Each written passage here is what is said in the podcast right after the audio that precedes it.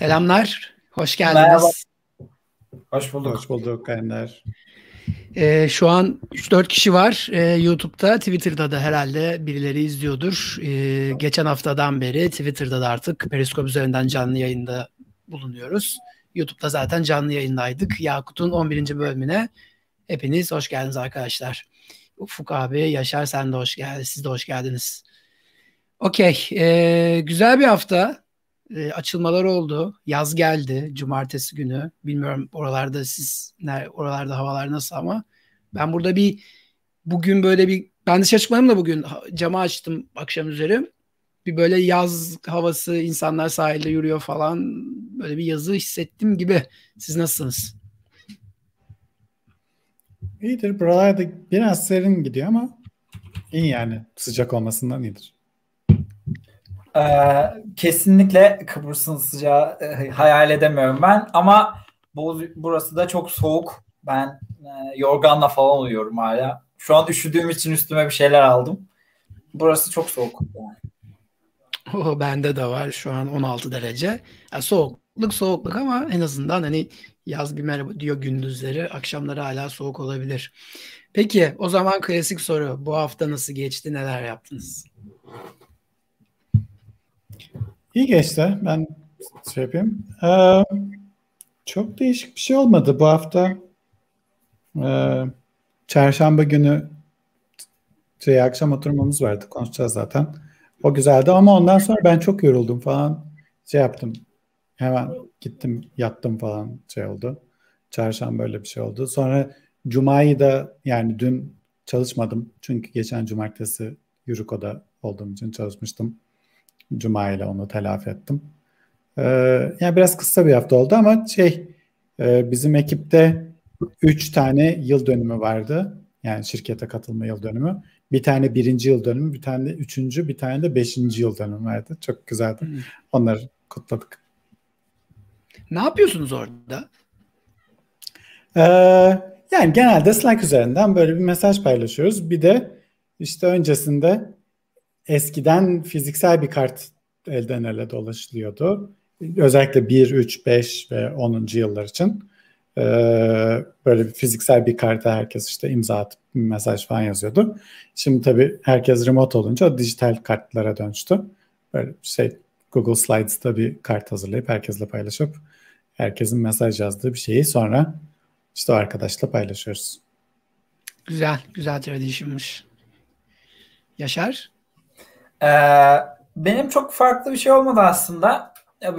belki tanıyor, tanıyor olmanız lazım. Daha önce birlikte çalışmışsınız sanırım bir süre. Saygın Burak Türkiye'ye geldi. Ukrayna'da çalışıyordu. Onunla görüşüyoruz sık sık. Ee, sizin de adınızı iade ettik bugün. Bugün tekrar görüştük. Onun dışında devam.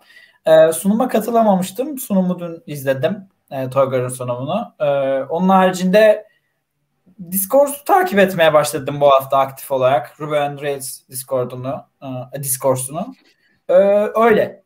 E, çok farklı bir şey yok. Yine bir şeyler okumaya çalışıyorum. Bu sefer Discord'un da koduna bakmaya başladım bu hafta. Rails koduna. Öyle. Bende de pek farklı bir şey yok aslında. Güzel, güzel, çok güzel. Mustafa Zakallı merhaba beni Alman subaylara benzetmen gerçekten enteresan olmuş. Teşekkür mü etsem de desem bilemiyorum hangi Alman subaylar. Bunu bir ara seninle konuşalım. Okey. Ee, o zaman madem şey dedik, e, akşam oturmasından bahsettik.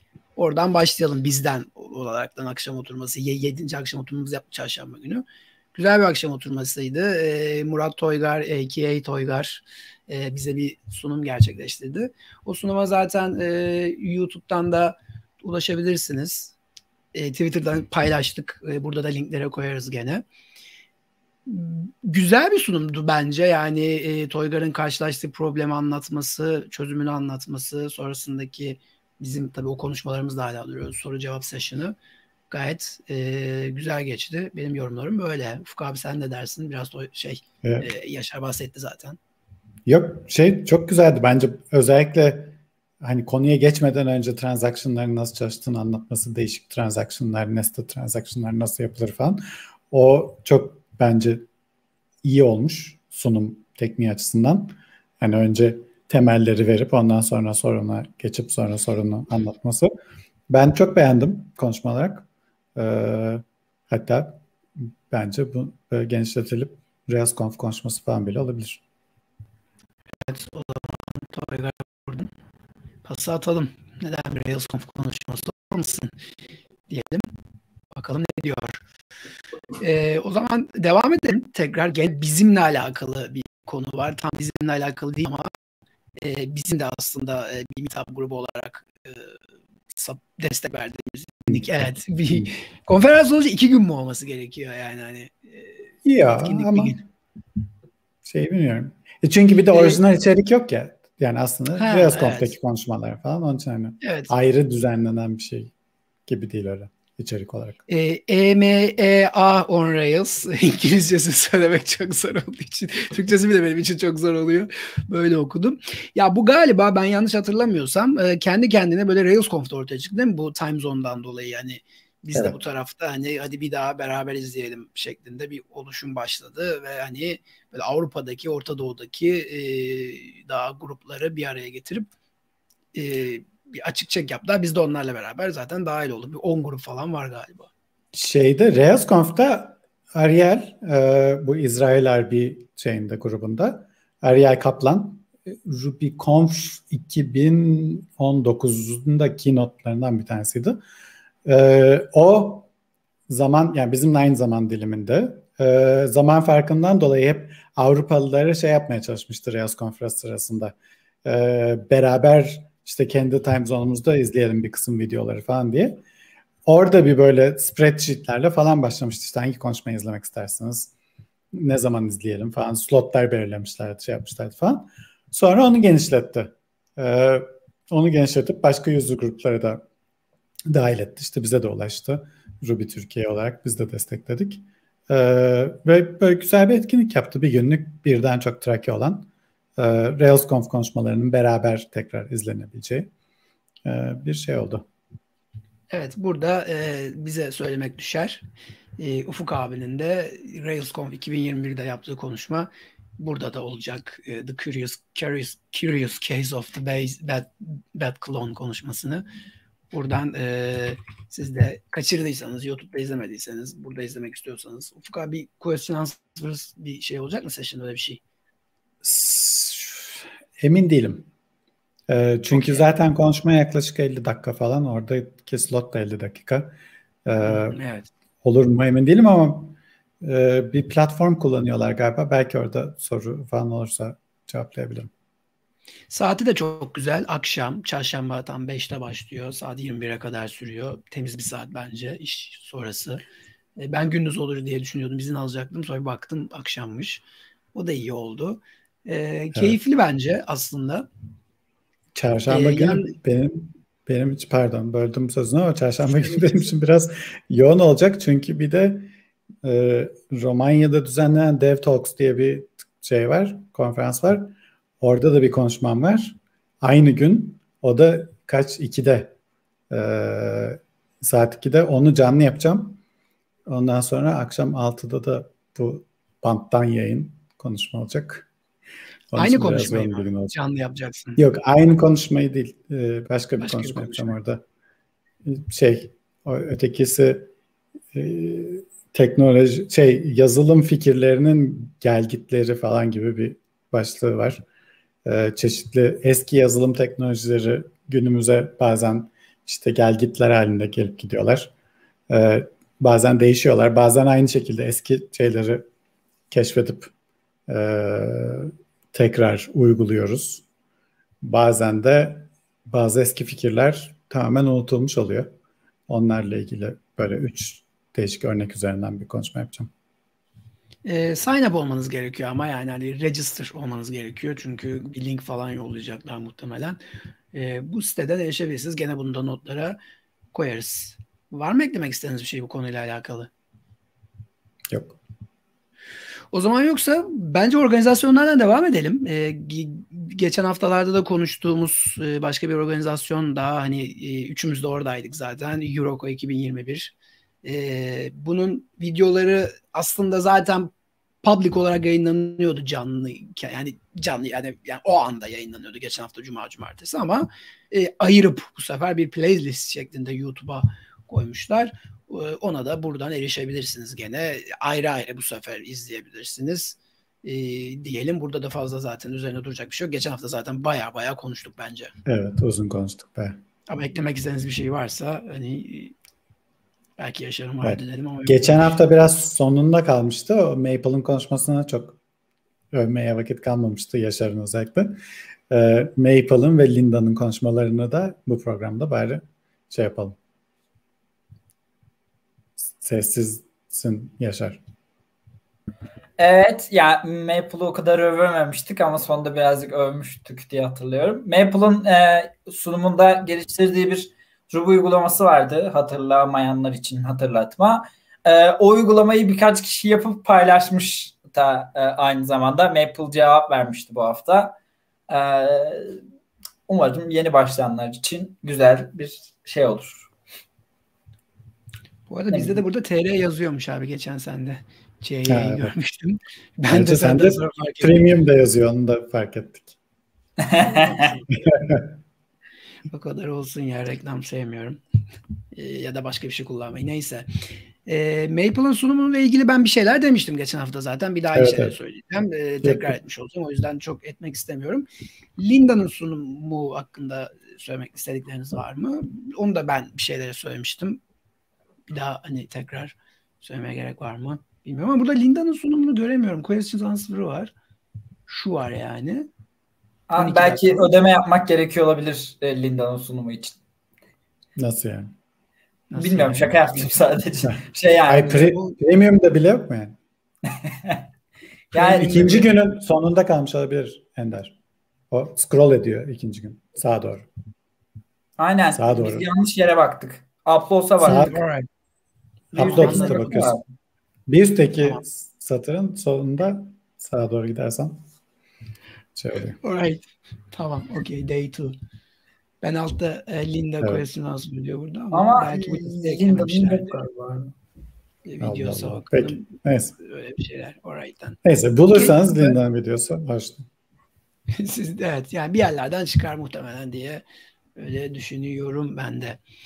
Okey o zaman ee, devam edelim gene etkinliklerden. Çok fazla etkinlik var global olarak. Yazda mı geldi bundan mı oldu bilmiyorum ama hani ya da biz yönümüzü mü oraya döndük. E, Ruby Kayigi var. E, bu yakınlarda daha önce aslında. Eylül'de. Onun da, e, Eylül'de aynen. E, onun da zaten başvuruların açıldığını Ufuk abi sen söylemiştin. Hani Kayigi'nin aslında. Yani tekrar buradan hatırlatabiliriz. Şeyler açılmadı henüz. E, satın almak registration coming soon diyor zaten. Sadece call for papers, call for speakers yazmışlar. O açıldı. Ruby ile alakalı ilginç bir şeyler varsa ilk önce Ruby Türkiye'de anlatabilir. Ondan sonra da buraya da başvurabilirsiniz diyorum. Evet. Ama bir, ay falan açık şey başvurular. Ee, evet. Şey, Temmuz'un ortası gibi kapanıyor sanırım. Yani bir June, ha, June Temmuz başı kapanıyor. Peki. Şurada June 30'da kapanıyor. Ee, ben burada şey çok hoşuma gitti. CVP Stats var. 30 tane proposal olmuş. Hı? Ee, belki giriş yaptığım için bana gösteriyor bilmiyorum da. Bu da Hayır, güzel bir detay. Giriş yapmadığın zaman da gösteriyor. Bu bütün neredeyse bütün konferanslar aynı CFP uygulamasını kullanıyor. Sanırım bu da Rails'la yapılmış bir uygulama. Ee, hepsinin neredeyse aynı şey. Evet. Yürü kapı e, tek bunu kullanmıyordu. Ruby Central'ın ben evet şey Ruby Central mail atmıştı bana şey için. Hmm, ondan şimdi bahsedeceğiz. O zaman orada atmıştı. Hmm. Karıştırmayayım. Kaygi hakkında demek istediğiniz bir şey var mı? Eklemek istediğiniz? Ee, Ruby Kaygi'ye konuşma göndermeyi düşünen varsa Ruby Kaygi çok teknik bir şey konferans. Hani böyle soft skill konuşmaları şeyler falan olmuyor. Bayağı Ruby ile ilgili teknik bir konuşma arıyorlar. Ee, onun için o şekilde düşünün derim. İlgilenen varsa, bir fikri olan varsa bana da ulaşabilir istiyorlarsa. Hani beraber üzerinden geçeriz. Ee, bütün konferanslar için neredeyse bu aynı. Ee, eğer bir konuşma başvurusu yaparsanız, gitmeyi düşünüyorsanız zaten konuşma başvurusu yaparsanız biletinizi de rezerve ediyorlar. E, kabul olsa da reddedilse de sizin için bir bilet saklıyorlar. Onun için e, reddolursanız bile en azından biletiniz hazır oluyor. Ya korona olmasa şu an orada bir milyon kişi başvurmuştu herhalde ama korona var diye e, bilmiyorum. Ben çekinirdim açıkçası. Şimdi yani Rubikayigi zor belki hani teknik olduğu için ama şimdi bahsedeceğimiz RubyConf belki biraz daha soft konuşmalar var. Bu arada e, takeout'lar var. Burada şeyler var. Ay buraya niye tıklıyorum? Şuraya tıklıyorum ben de. E, burada 2010 yani hangi konuşmaların olduğu burada var. E, buralardan da bakabilirsiniz. Hani bir burada zaten should give you an idea of the taste of Kaigi diyor. Zaten Ufuk abi de dedi. Hı hı. E, öyle diyeyim. Time slot for yolda 25 dakika gibi bir şey demişler. Bu da enteresan geldi bana. Yani bu yoktu. Bunu yeni eklemişler. Ben baktığımda galiba. Evet. Kısa olmuş. Şey. Hmm, evet kısa yapıyorlar. Okey. Başka bir şeyiniz yoksa o zaman ben izninizle bir başka konferansa şimdi geçiyorum. o da e, RubyConf 2021. O da Kasım ayında olacak. Onun da e, CS CFP'leri açıldı. Şuradan görebiliriz bunu da bu şekilde. Burada daha soft şeyler oluyor ama bildiğim kadarıyla. Evet. Çünkü şey var. E, buranın bir özelliği var ama e, burada session formatlar e, şeyler var. Trackler track guidelines, e, track guidelines, guidelines koymuşlar. Bu RubyConf'ta yoktu. Burada e, bu konulardan seçiyorsunuz anlatacağınız şeyi. E, öyle diyebilir, diyebilirim. Bence bu daha güzel olmuş aslında biraz daha kafanızdaki bir şeylerin şekillenmesi adına güzel şeyler çıkabiliyor. Ama yani sanırım e, Ufuk abi şey demişti bununla ilgili. Yani e, bu Kaygi biraz daha Ruby Core ekibinin toplanması, işte ne yapacağız, ne edeceğiz konuştukları bir şeyken, etkinlikken RubyConf biraz daha genele bir şey gibiydi. Ya da ben uyduruyorum şu an tamamen. Yok yani dedim öyle de Ruby Kaygi'nin öyle bir kısmı var. Hı hı. Ama onun dışında bayağı hani Ruby ile ilgili teknik konuşmalar da var. Şey olarak sadece öyle Ruby'nin internal'ı veya işte Ruby dilinin geliştirilmesiyle ilgili bir konferans olarak sınırlı değil. Yani. Merhaba Saygın hoş geldin. İyi yayınlar demiş Twitter'dan bize. Saygın'la da biz bir dönem beraber çalışmıştık. Sonra kendisini yurt dışına uğurladık. Ben de çalışan yurt dışına gidiyor arkadaşlar haberiniz olsun. İlk reklamımı da yaptım. Okey o zaman e, herhalde etkinlik işleri bitti mi? Ne diyorsunuz? Umarım. Ben burada bir şey daha söylemek istiyorum aslında ama e, bunu şöyle söyleyeceğim. E, Slack'ta paylaştım ben. Haftaya salı günü e, RailsConf'ta 2021 RailsConf 2021'de Gannon'ın Rails performansı ile ilgili yaptığı bir sunum vardı. Onu beraber izleyelim dedim arkadaşlara. Fakat e, Slack grubuna gelirseniz eğer Zoom linkine ulaşabileceksiniz. Onu da buradan söyleyeyim. Ruby Türkiye'nin sitesine girip Slack grubuna gelebilir. Oradan da e, biraz daha kapalı olsun istedim. Hani o da öyle bir şey oldu. Ya ben izleyeceğim isteyen gel. Ben daha önce izlemiştim de zaten hani izleyelim beraber konuşalım diye. Çünkü niye? E, Toygar'ın sunumunda da fark ettik yani bir yani bir e, uygulamanızın performansını nasıl anlarız, nasıl bakarız, işte bu Ruby Profiler falan nasıl kullanırız? Onları öyle çok e, aramızda ne olduğunu bilmeyenler bile var. Bu katiyen kötü bir şey değil, normal bir şey. E, o yüzden hani Gannon'ın sunumu da bence Ufuk abi de biliyordur belki. Yani benim bayağı hoşuma gitmişti. Güzel bir sunum. O yüzden beraber izleyebiliriz, üstüne konuşabiliriz diye düşündüm ama Slack'teki arkadaşlara özel şey yaptım niyeyse ben öyle düşündüm. Çünkü bu özel benimle alakalı yani hani şey bizim Türkiye, Türkiye ile alakalı bir şey değil. Ee, ben istedim kendi başıma diye öyle bir şey yapayım dedim. Okey. Bu da böyle bir şeydi söyleyeyim dedim. Tamam o zaman ne konuşmak istersiniz? Konularımı sayayım içinden mi seçeyim yoksa bana mı bırakıyorsunuz? Ya Vereyim sana abi. bıraktık. Sen. sana bırakıyorum. Bu da ortaya bir şey yaptırayım mı size?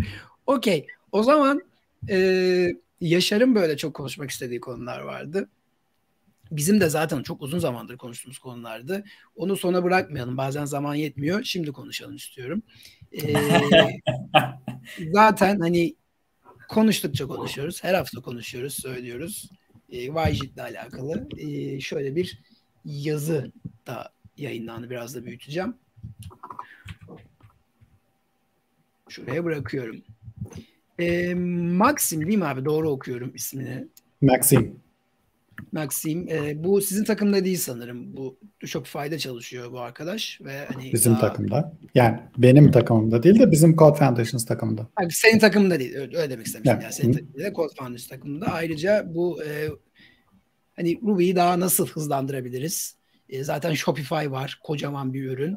Biz Hı. ne yapsak da hani hazır Shopify'da da çalışıyoruz. Ne yapsak da acaba Ruby'yi daha iyi hızlandırsak diye burada aslında e, bir konuşması da var onun. Burada linkini koymuş zaten galiba şuydu. Hı-hı. Kullandıkları yöntemle galiba Basic Block Versioning diye aslında ondan da biraz bahsediyor. E, Baya güzel bir yazı olmuş biliyor musun? Yani ben çok teknik bir yazı bekliyordum bu yazıyı okuduğumda açıkçası ama e, şey çok fazla teknik şey alamadım. Belki hani videoları da daha tekniktir. Biraz daha benchmarklardan bahsetmiş. Yani niye yaptıklarından bahsetmiş zaten başında ve biraz da sonrasında ne olacağından bahsetmiş gibi düşünüyorum. Ama abi istersen sen biraz daha açıkla çünkü hani gündelik olarak da muhtemelen onlarla konuşuyorsun diye düşünüyorum. Tabii tabii benim ekibimden Alan zaten bu projede çalışıyor. Aaron da bu projede çalışıyor. Şimdi Noah da YGT'e girecek. Ee, bu projede çalışmaya başlayacak. Ee, bu bizce Ruby için çok önemli olabilecek bir altyapı. Ee, Basic Block Versioning Maxim'in doktora tezi konusu. Ee, MoreVM'deki konuşmasında daha detaylı anlatıyor ama temel olarak e, dinamik dillerdeki en büyük sorun dil dinamik olduğu için, tipler de dinamik olduğu için her operasyonda e, elindeki değişkenin tipinin ne olduğunu tekrar tekrar tekrar tekrar kontrol etmek zorundasın. Mesela A ile B'yi topla diye bir operasyon var. Yani işte C eşittir A artı B diye bir Ruby kodu yazdığınızı düşünün. Şimdi A ne B ne? A ile B birer string olabilir. String concatenation olabilir bu. A ile B birer integer olabilir. A ile B birer floating point number olabilir. Big decimal olabilir. Complex number olabilir. Rational olabilir. Hepsinin toplama yöntemleri farklı.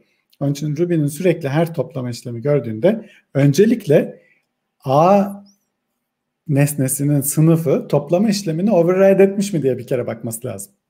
Çünkü toplama işlemini override edebilirsiniz. Çıkarma işlemi haline falan getirebilirsiniz. Ruby'de her şey açık ya. Onun için A'nın tipine bakıp o tip artı işlemini override ed- ediyor mu diye bakması lazım. Etmiyorsa A tipi nedir ve bu A tipi için benim bir optimizasyonum var mı diye bakması lazım. Çünkü integer toplaması aslında CPU'da tek bir şey instruction. Onun için integer'lar için Ruby'nin çok bir işlem yapmasına gerek yok. CPU'ya bu iki integer'ı topla diyecek. Sonucunu alıp C'ye yazacak. Ama başka tipler için tabii daha karışık. Onun için bir sürü check yapılması lazım. Basic block versioning bu checkleri bir kere yapılırsa hatırlıyor ve o bloku versiyonluyor. Onun için aynı blokun, aynı kod blokunun bir integer için olan versiyonu var. A ile B sonra bir sonraki başka bir bu fonksiyona girildiğinde string olursa string olan bir versiyonda saklanıyor. Ve bu versiyonlar e, çok güzel optimize bir şekilde compile edilebiliyor makine koduna önceden. E, bir kere görmek de yetiyor. Onun için e, makine koduna önce şeyde ilk fonksiyona hit ettiğinizde makine koduna çeviriyorsanız bir sonraki aynı fonksiyona çağrıldığında çok performanslı bir şekilde tekrar tekrar aynı kontrolleri yapmadan e, işlemi gerçekleştirebiliyorsunuz. Şu an e, YJIT Ruby e, sanal makinesinin içindeki instruction'ların e, büyük kısmını implement etmiş durumda. Optimize olarak kod generate edebiliyor onlara karşılık gelen. E, ve verilen genel bir Rails uygulamasının %50'den fazlasını cover ediyor. Yani Rails uygulaması çalışırken e, zamanının %50'den fazlasını YJIT'in optimize ettiği kodda geçiriyor. Kalan kısmını e, normal bildiğimiz Ruby Interpreter'ın içinde geçiriyor. E, o nedenle de Rails Bench gibi şeylerde yüzde 6-7'ye varan bir hızlanmalar e, görmüş durumdayız. Daha sentetik benchmarklarda çok çok daha hızlı e, çalışabiliyor.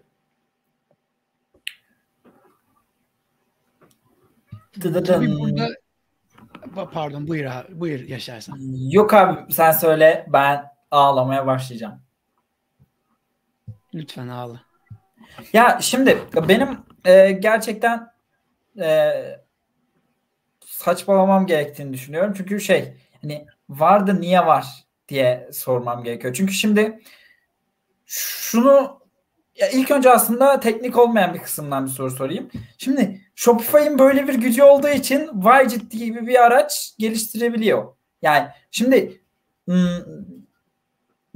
neden var olanı değiştirmek yerine yeni bir tane yapıyorlar? Buradaki uzman birisine sahibiz ve o yüzden mi? Çünkü içindeki JIT'i geliştirmek niye bir sorun? Yani niye bir tane yeni bir şey icat ediyoruz? Aslında ilk sorun bu. Hani Tamam. Çünkü içindeki JIT bizim yapmak istediğimiz optimizasyonlar için uygun bir JIT değil. Şimdi Ruby'nin şu an içindeki JIT adı da MJIT. MJIT'in mimarisi çok garip. Ee, ve Ruby kodunun çok içine giriyor. Ruby'nin kodunun içinde böyle MJIT ile ilgili bir sürü kodlar falan var. Onun için Ruby'de bir de şey değişiklik yaparken MJIT'i de falan düşünmek zorunda kalıyorsun. Ve çeşitli de sorunları var. Mimari sorunları var. Çünkü MJIT şunu yapıyor.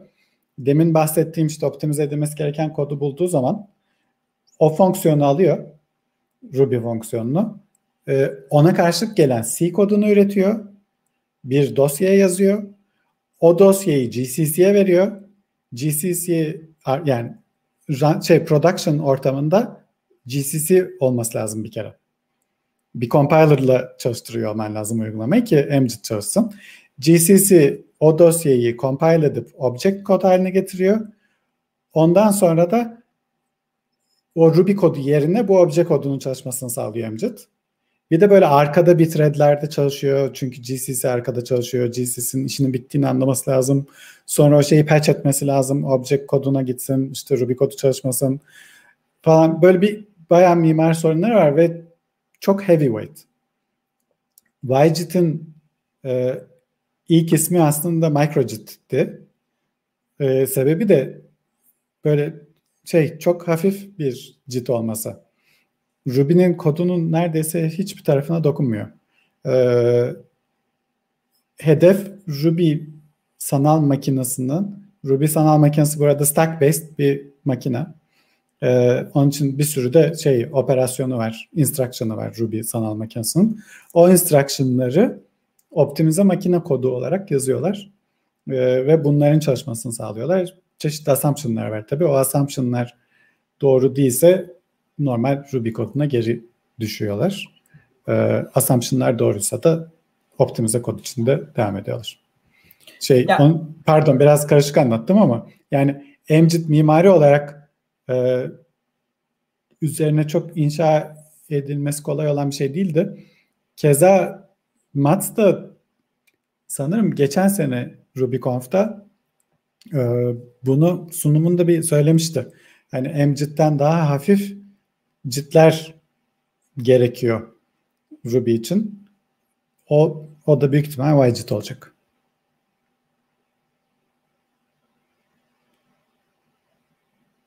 Evet. Yaşar. Ben Önemli açamadım da mikrofonu. Tamam. Yan ekrandan evet. şeyi de takip etmeye çalışıyorum. Aklıma gelen noktaları sormaya çalışıyorum. Ya yani şimdi tamam. tamam hani YJIT belki e, ana repoya geçebilir. Güzel hani Mets de bunun yolunu yapmış görüyoruz ki. Ee, peki mesela bu kadar uğraşmamıza ya da uğraş yani nasıl toparlayabilirim? Şöyle diyeyim.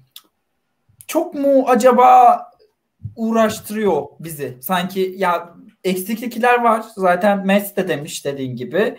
Yani Hı. mesela Truffle Ruby diye de bir şey var. Böyle bir Peki. hızdan gerçekten ağlıyor muyuz biz? Ben yani şimdi hani belki benim için bu bir sorun olmayabilir Ruby'nin sorunu. Hani 100 milisaniye eh, ne olabilir ki? Ama işte sizin tarafta yani Truffle Ruby'ler işte en Widget'ler bilmem neden? Yani hani e, niye hala bununla can çekişiyoruz. Ben bunu anlamıyorum. Mesela Truffle Ruby'ye o zaman niye biz herkes Truffle Ruby'ye geçmiyor da şey yapmıyor? Böyle Peki tamam. Çok soru var Ee, orada. Tamam. O sorun bir şey var. Ee, Tamam. O Söylen. bu tam aslında cevap şurada yatıyor. Şey diyor ki işlemciler gelişiyordu. Artık işlemciler de o kadar çok gelişmiyor ama programların hızlanması gerekiyor. Çünkü yükleri artıyor. Bir şeyler yapmak gerekiyordu. Günün sonunda zaten konu bu aslında yani hani Shopify'da da bunu görüyoruz diyor zaten.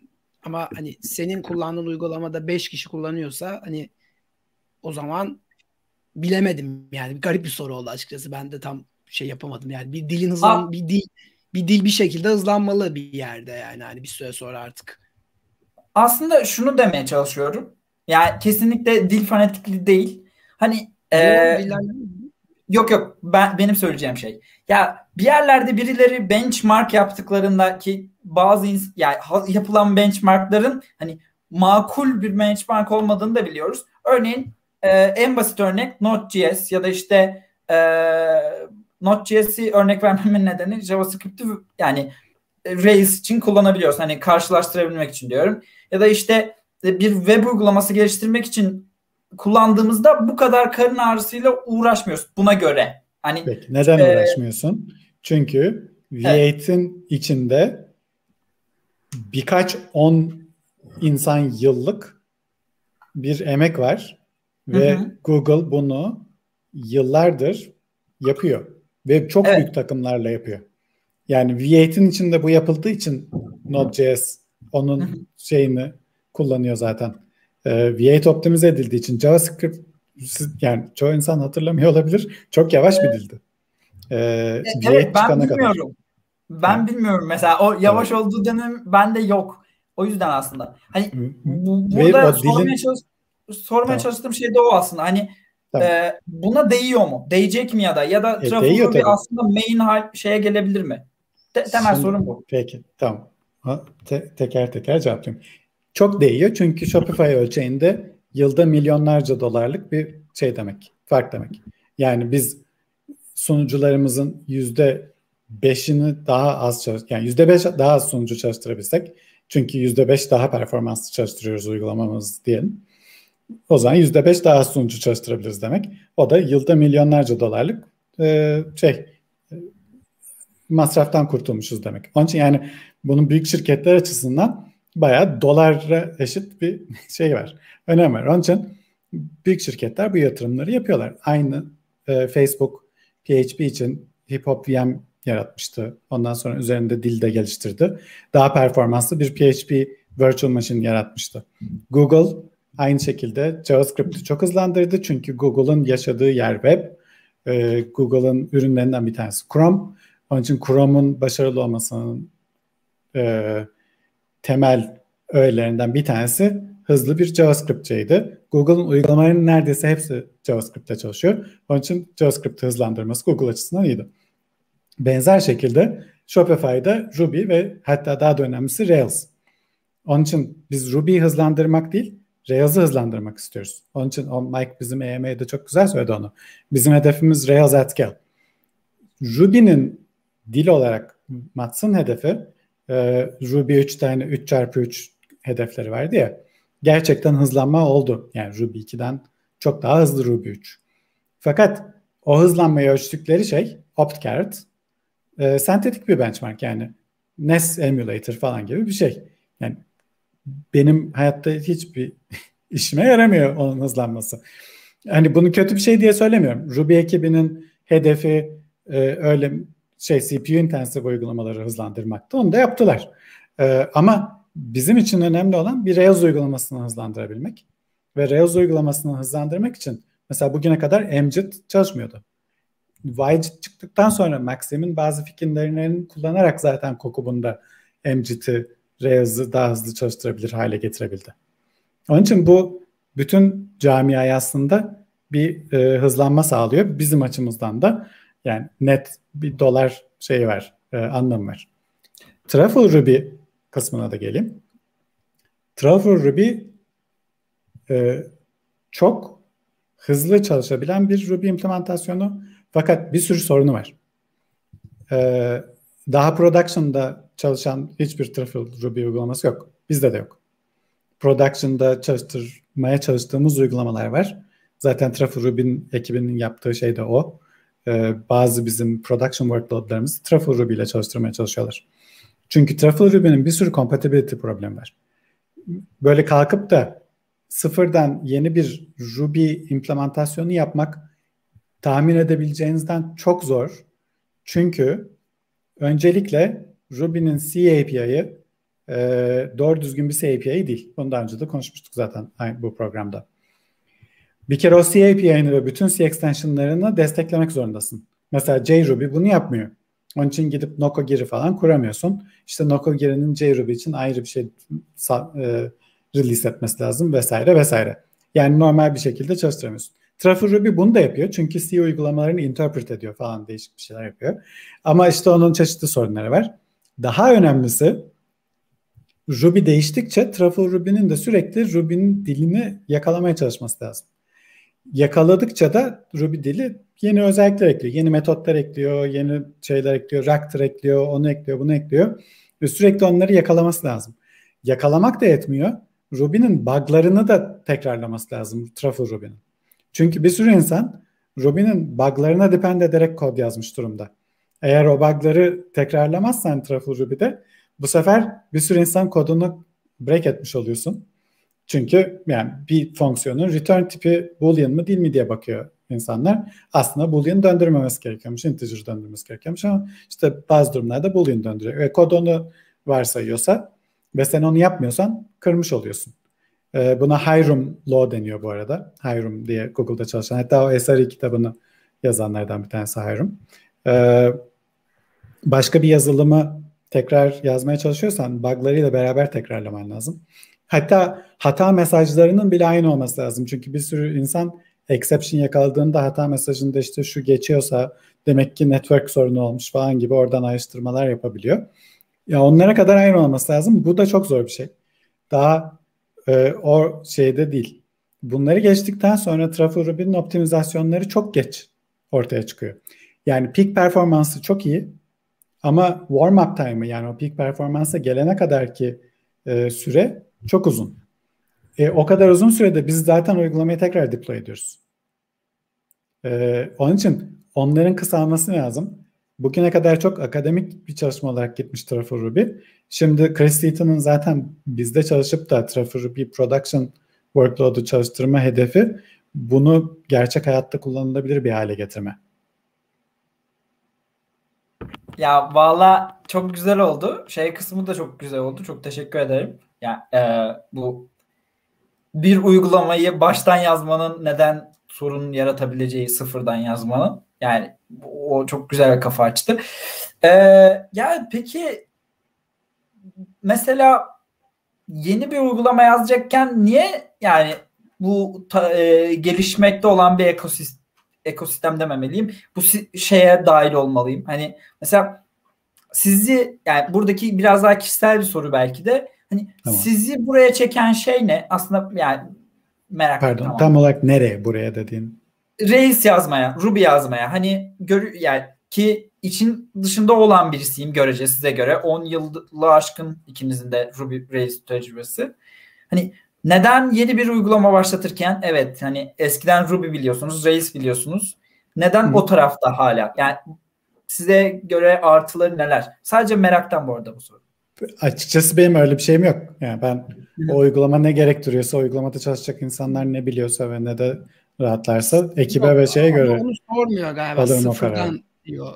İşte tam sıfırdan. Sıfırdan, sıfırdan bir şey yazacak başlıyor. olursam kendim başlıyorsam diyelim ki ben yarın ayrıldım ve bir startup kuruyorum. Böyle hani Ruby Rails yapacağım falan diye bir inadım olmaz.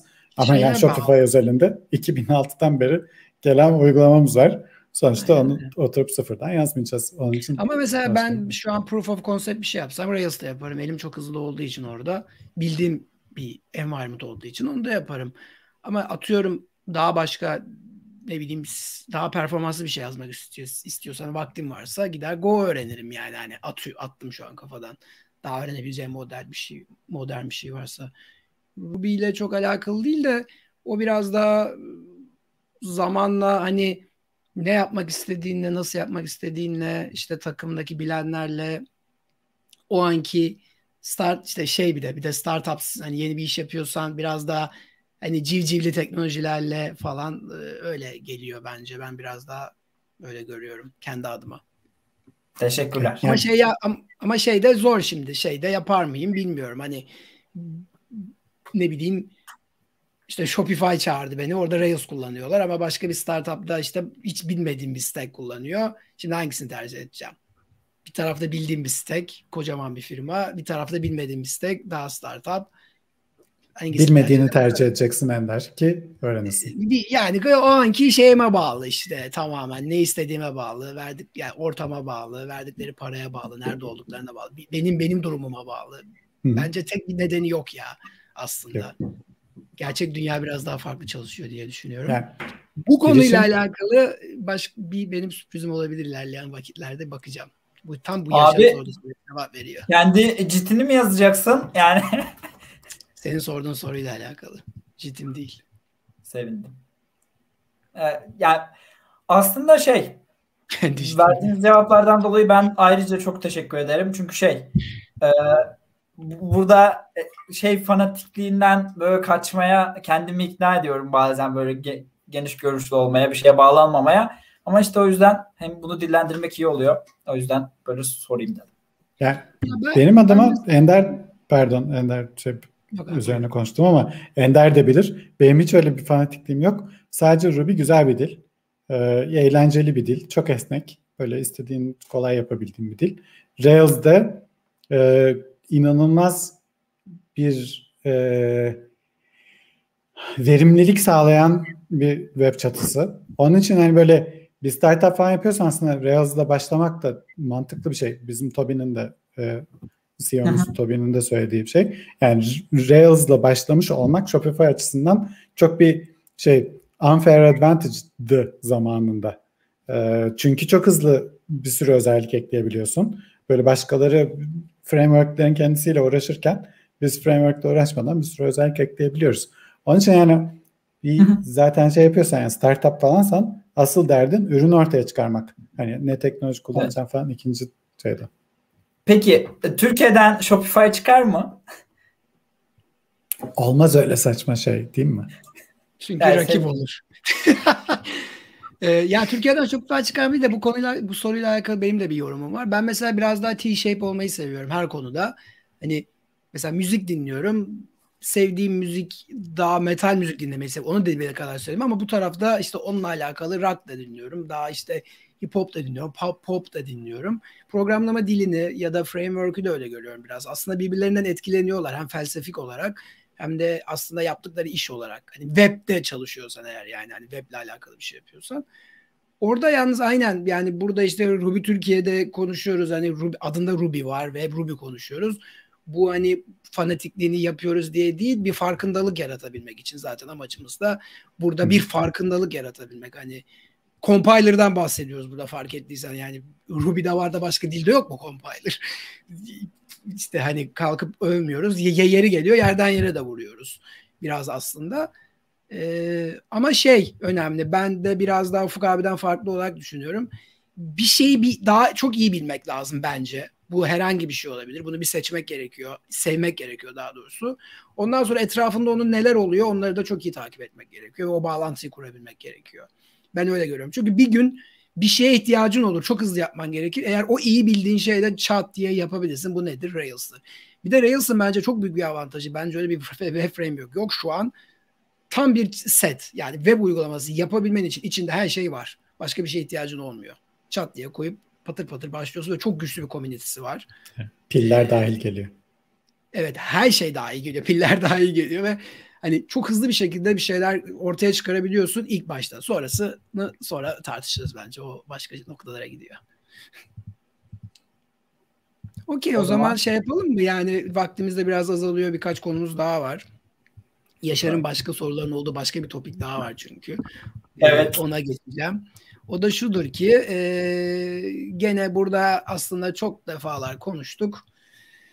E, type annotation sistem işte RBS. Ee, şöyle bir yazı Ruby Weekly'de karşıma çıktı bu hafta. Benim çok hoşuma gitti. Zaten hani Ufuk abi de burada çok bahsetti. Birçok kere konuşmuşuzdur. Ee, bu, bu yazıyı bence hiçbir fikriniz yoksa e, Ruby'deki RBS nedir? Ne değildir? Ee, şey Euroko konuşmalarında da vardı galiba değil mi? Yanlış hatırlamıyorsam. Biri yani so, RBS'i yazan Sotaro'nun Euroko konuşması Hı. var. O Steep'i LSP ile Visual Studio Code'a nasıl bağladığını anlattı ama şey olarak. Ha okey. Bu, burada o da var da e, Visual Studio Code ile alakalı bir şey. O da IDE tarafından baktı. Burada daha çok işte RBS nedir? Ruby işte nasıl e, koyarız projemize? Static Dynamic dillerin farkı nedir?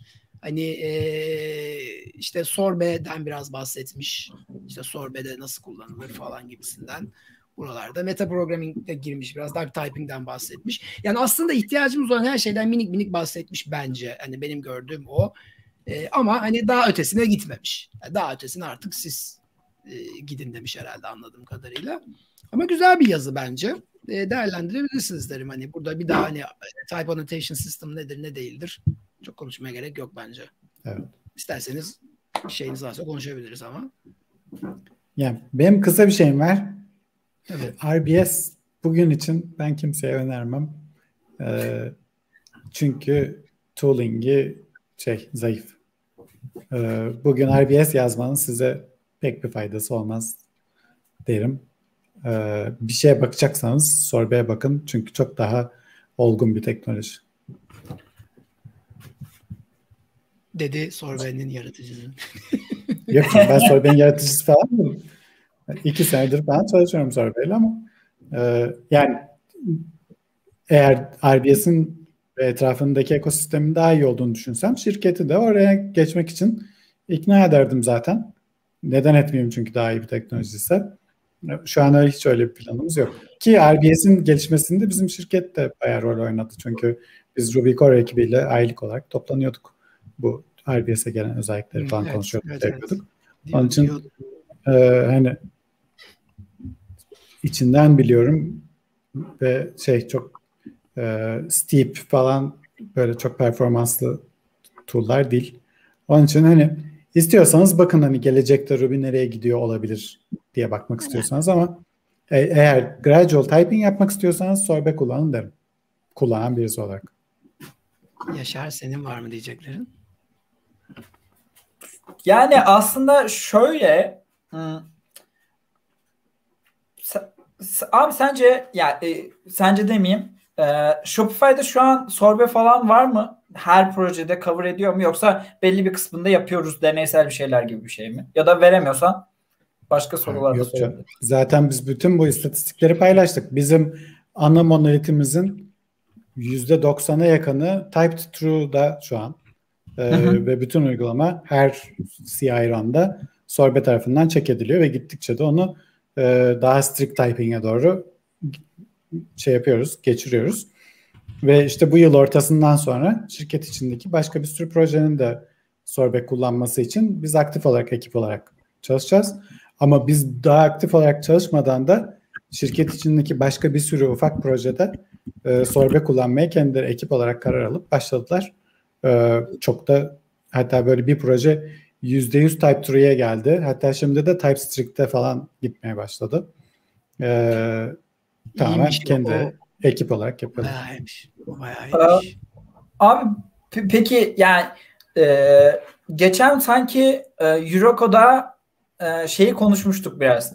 E, type safe konusunun işte Mets'in nasıl baktığını hani ya statik değil de hani gradual yapalım hani falan dediğini. Peki Sorbe'yi yani bir 5-10 yıl sonra yeterince evet ya dediğinde sence şeye girer mi? Yani Ruby'ye abi evet hani içinde geliyor der miyiz bunu? Yoksa Sorbe hep dışarıda mı kalır sence? Ne Sorbe dışarıda kalır. Sanmam Ruby'nin içine gireceğini. Yani. Bu arada ama zaten Sorbe bir birkaç şey. Yani Sorbe'nin bir sintaksı var. Sintaks olarak Ruby başka bir sintaks şey yaparsa Sorbet ona da geçebilir zaten. O kısmı çok önemli değil. E, sorbe dediğimiz şey aslında bir tane C++'da yazılmış bir executable. Ve asıl değeri de orada. Bu executable kodunuzu çalıştırmadan statik olarak analiz edip e, yazdığınız signature annotation'ları veya signature annotation'ları yoksa bile işte metot var mı? O metot doğru parametrelerle çağrılıyor mu? E, signature'ı varsa o doğru parametrelerin doğru tipleriyle çağrılıyor mu? Falan gibi analizi yapan bir şey. Bizim yaklaşık 30-40 bin Ruby dosyalık e, monolitimizde e, 10-12 saniyede falan bütün Ruby parsingini e, parsingden sonra bütün bu statik analizi hepsini yapıp sonuçları gösterebiliyor. Yani bu kadar hızlı çalışan başka bir tool yok. Bu zaten Ruby'nin dışında olacak bu tool. Çünkü bu böyle Hı. dışarıdan bir tool. Steep de Ruby'nin dışında. Benzeri çünkü muadili RBS Hı. üzerinde çalışan Steep. O da zaten Ruby'nin dışında bir şey. Ee, orada yani bakmak istediğin şey Ruby'nin içinde type annotation için bir özellik gelecek mi gelmeyecek mi? Evet. Ya o peki bir şey soracağım. Ya ben zaten Ruby'yi yani typingle uğraşmamak için seviyorum. Ha dinamik type övdüm. Ne kadar güzel. Aa bak bunu da yapıyorum dedim. Yani burada asıl soru geliyor. Yani niye ya? Yani tamam yeah. çok güzel işte çatı çatı çalışıyor uygulamam. Gideyim başka bir yerden hızlandırayım olmaz mı? Yani yani Java, JavaScript'çiler de aynıydı. Ne güzel JavaScript yazıyoruz. Dinamik dinamik çok güzel diyorlardı. Şimdi çoğu JavaScript'çi TypeScript'e geçiyor. Neden? Çünkü o tiplerin getirdiği yeterince büyük bir ekipteysen o tiplerin getirdiği bir birden çok özellik var. Öncelikle makineler senin kodunu daha iyi anlıyor. Refactoring yapman yapmak gerekirse çeşitli başka editörle entegre şeyler, go to definition falan gibi şeyler niye Ruby editörlerinde yok? Yani Ruby Mind'da falan var da onlar da biraz bayağı para harcayıp yapmışlar. Çünkü zor bir şey. Yani Ruby'de bir metot nereden geliyor anlamak zor bir şey. Çünkü Ruby çok dinamik bir dil. Ama bu, bu şekilde gradual typing'e falan gelirsen bu tip şeyleri kontrol altına alabiliyorsun. Aynı zamanda yazdığın tipler Yard dokümantasyonda da bir sürü insan tip yazıyor parametrelerin yanına. İşte bu hash'tir, bu array'dir falan diye. Onları niye yazıyoruz? Çünkü dokümantasyon. Ve bu dokümantasyon düşün ki hiç e, kodundan ayrı kalamayacak bir dokümantasyon. Çünkü sürekli check ediyorsun. Statik olarak analiz edip doğru mu değil mi diye şey yapıyorsun. Yani fonksiyonunu değiştirdim. Dokümantasyonu değiştirmeyi unuttum durumu yok.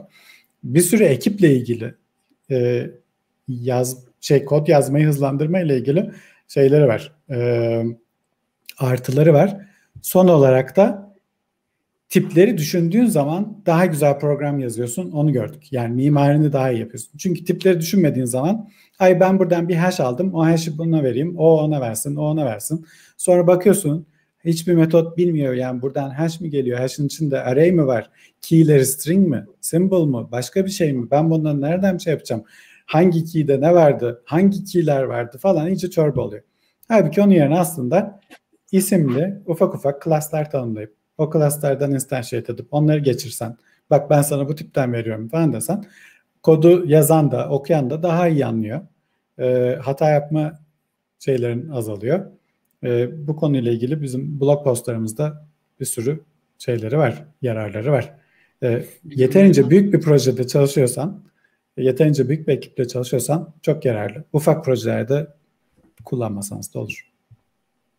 Aa, çok teşekkürler. Bu yani senin bütün server sunumunu 5 dakikaya sığdırdık. Ya, Yaşar'ın özel yayınına döndü bugün Yakut. Özür dilerim. Biraz korsan oldu. Olur öyle. Chat'te iki tane şey var. Bir tanesi e, şey şöyle e, hop hop e, tabii hem bunlarla uğraşıp hem de şey yapmak biraz zor oldu. Kusura bakmayın. E, selamlar demiş Sinan. iyi yayınlar demiş. Bayağı oldu bunu diyeli aslında da. Yeni yeni şey olabilir. Ruby e, boot, bootcamp'a açılmış. Backend'de Ruby öğretiyorlarmış bir bootcamp'te. Yeni başlamış. Hangi bootcamp acaba merak ettim ben. E, eğer buralardaysan hala yazarsan seviniriz chat'e Sinan. E, güzel. Hoş geldin o zaman. Hayırlı olsun. Evet. Berkan da e, Sorben'in C++'da yazıldığını bilmediğinden bahsetmiş. O çok normal bir şey. E, galiba TypeScript ve JavaScript'te yazıldığı için orada da bir galiba böyle bir tartışmalan tartışılan bir konuymuş. Madem JavaScript yazıyoruz herhalde niye oluyor falan gibisinden. Konuşmuş. Onun tabii faydaları evet konuşmamak için mute yaptım. Onun faydaları var tabii çünkü contribution'ları kolaylaştırıyor. Yani JavaScript bilen insan çok daha fazla. O, o nedenle TypeScript'te contribute eden insan, edebilen insan sayısı da daha fazla. Ee, öte tarafta Sorbe C++ olduğu için e, contribute etmesi, anlaması, böyle bir fix yapması falan daha zor bir e, code base. O, o da zorlaştırıyor tabii. Yani okay. o zaman mesela bütün web'i, e, bütün her şeyi, bütün uygulamalarımızı C++'da yazsak hani daha hızlı olmaz mı? Ya da C'de yazalım daha yani... olur. Yaz. Tek tek millet diyorsun o zaman sen tamam. demek ki. Yaz. Tek hız yaz abi. C'de ve uygulaması yaz şey yapalım. Sonra. Hedefin ne Yaşar? Şimdi Sorbe ekibinin hedefi çok belli. Biz bir araç yapıyoruz bu developerlar için. Developerların sabrı sınırlı ve araçlarının hızlı feedback vermesi lazım. Ve başından beri biliyorlar biz bunu editöre entegre edeceğiz. Şimdi editörde bir kod yazdın veya code completion'a başladın. E orada birkaç yüz milisaniyelik süren var. O code completion'da şeylerin, önerilerin gelmesi için.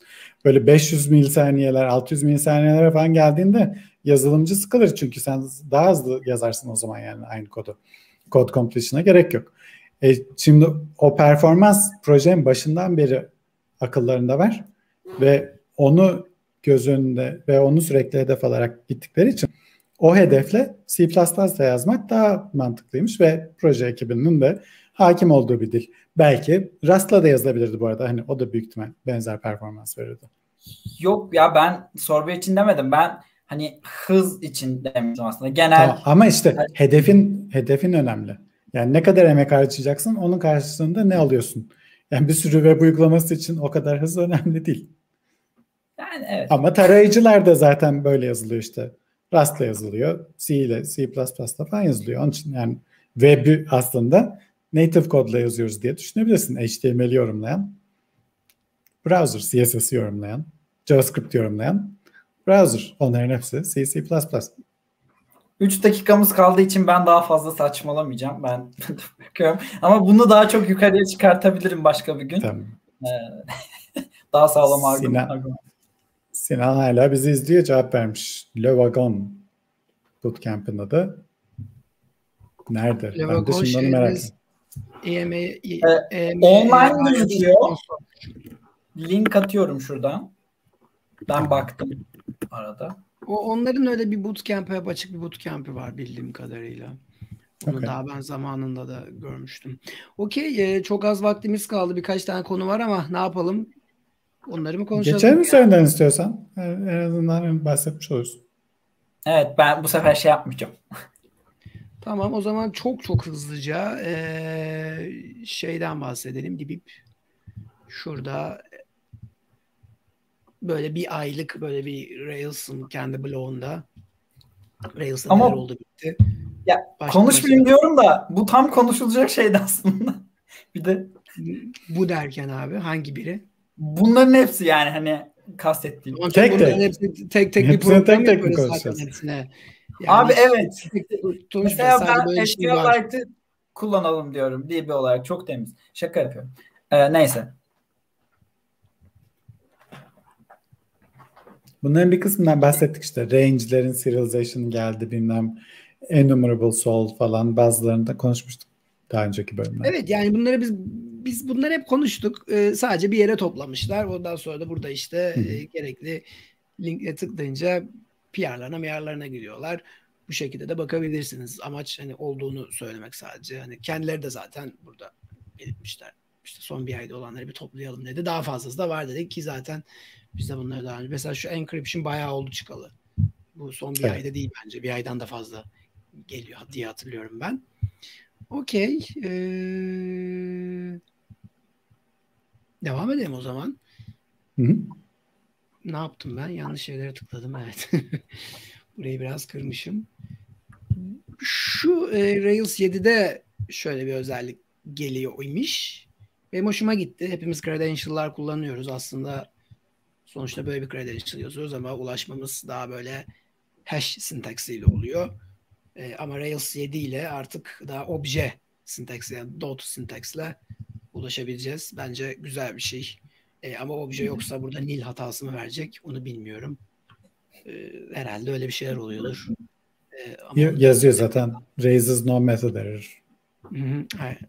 Evet. yazan da zaten şey e, onun da farkına varıyordur oradaki credential'ların ne olup olmadığının. Zaten burada da verir muhtemelen yani burada da bulamayacağı için orada da ararken bulamayacak.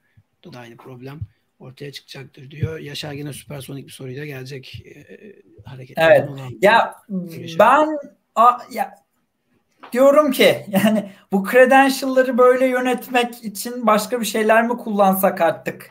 Yani e, nasıl yapıyorsunuz mesela Shopify'da abi? Bu şeyin e, neydi?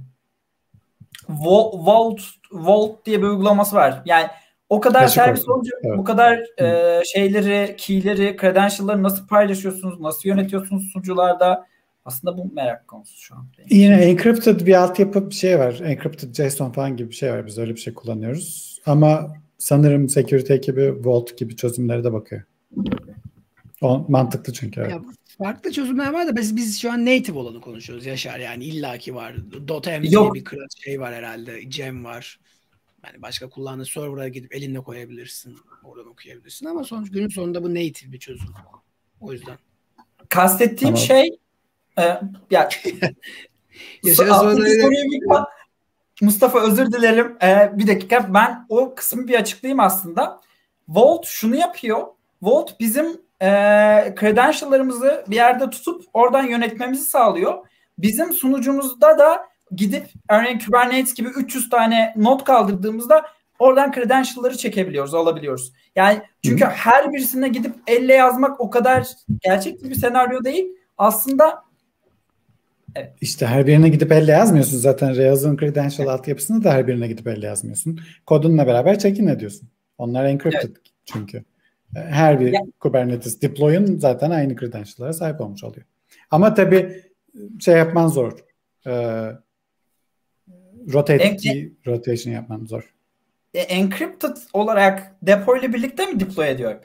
E, bu çok evet. şey değil mi biraz? Hmm. Değil. Sorun değil mi? değil. Şey değil mi? Değil. Yani özür dilerim. Yavru bir kedi var. Bir süredir onunla uğraşıyorum. Şu an her tarafa atlıyor. Ee, bana sorulmuş gibi geliyor. Yani şu günlerde mesela okuduğum şeyler genelde de, e, SRE bu Site Reliability Engineer'ların genel sorunu şu. Ben bir kodu dağıtıyorum ve bu kod gerçekten doğru bir şekilde karşıya gidiyor muyu yapabilmek için bir şeyler yapıyorlar. Daha buna doğru dürüst güvenemiyorken, depoların kendisine güvenemiyorken bir, bir encrypted olarak key tutmak, yani deploy bilmiyorum. O biraz bana şey geldi. Korkunç. Özür dilerim. Geçtik de süreydi ama bunu ayrıca konuşalım yani. Hani bana korkunç tamam, geldi. Konuşuruz. Şey 3 dakika geçtik şey dedik. Ya e, peki must, yani sonuçta encryptedsa bir master key'imiz olacak. O master key'i nasıl dağıtıyoruz şeylere? E, yani şey, açmak için encryption. Efendim? Docker image'ının içine gömüyorsun veyahut da dışarıdan environment variable olarak şey Hı. yapıyorsun, inject ediyorsun. Zaten 12 factor app'te bütün secretlerini dışarıdan environment variable olarak inject etmeni Hı. şey yapıyor doktrin olarak. Aslında evet. eğer sensitive bilgilerin varsa bir tane master key dışarıdan inject etsen yatıyor işte. Çünkü kalanları zaten encrypted olarak duruyor. Şimdi daha şey olmaya başladı. Peki teşekkürler. Ne demek?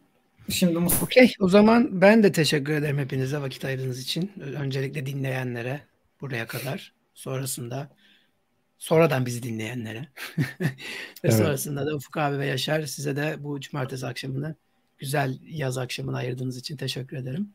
Var mı son olarak eklemek istedikleriniz? Evet. E, Tayfun'u özledik. Evet. Tayfun artık gel diyoruz. Tayfun'a açık çağrı. Tayfun gel. Bir de Mustafa'nın e, yorumunu geçmiştik. Ben şey açıklamaya çalışınca istiyorsanız onlara da bir yorumlara da bir bakabiliriz. Sinan e, da bir şey yazmış. Yorum, Mustafa'nın yorumu teşekkür etmiş. Senin soruların Mustafa'nın da merak ettiği sorularmış kediyle beraber. Kedi de oyuncak gibi tutman elinde. Yok ee, alttan da tutuyorum. İşte Sinan da Levagon uluslararası firma hani remote oluyor. Şey Covid sebebiyle demiş. Ee, o kadar. Sonra da iyi geceler falan. Sinan'a, baş, Sinan'a başarılar dileriz. Bootcamp'ten.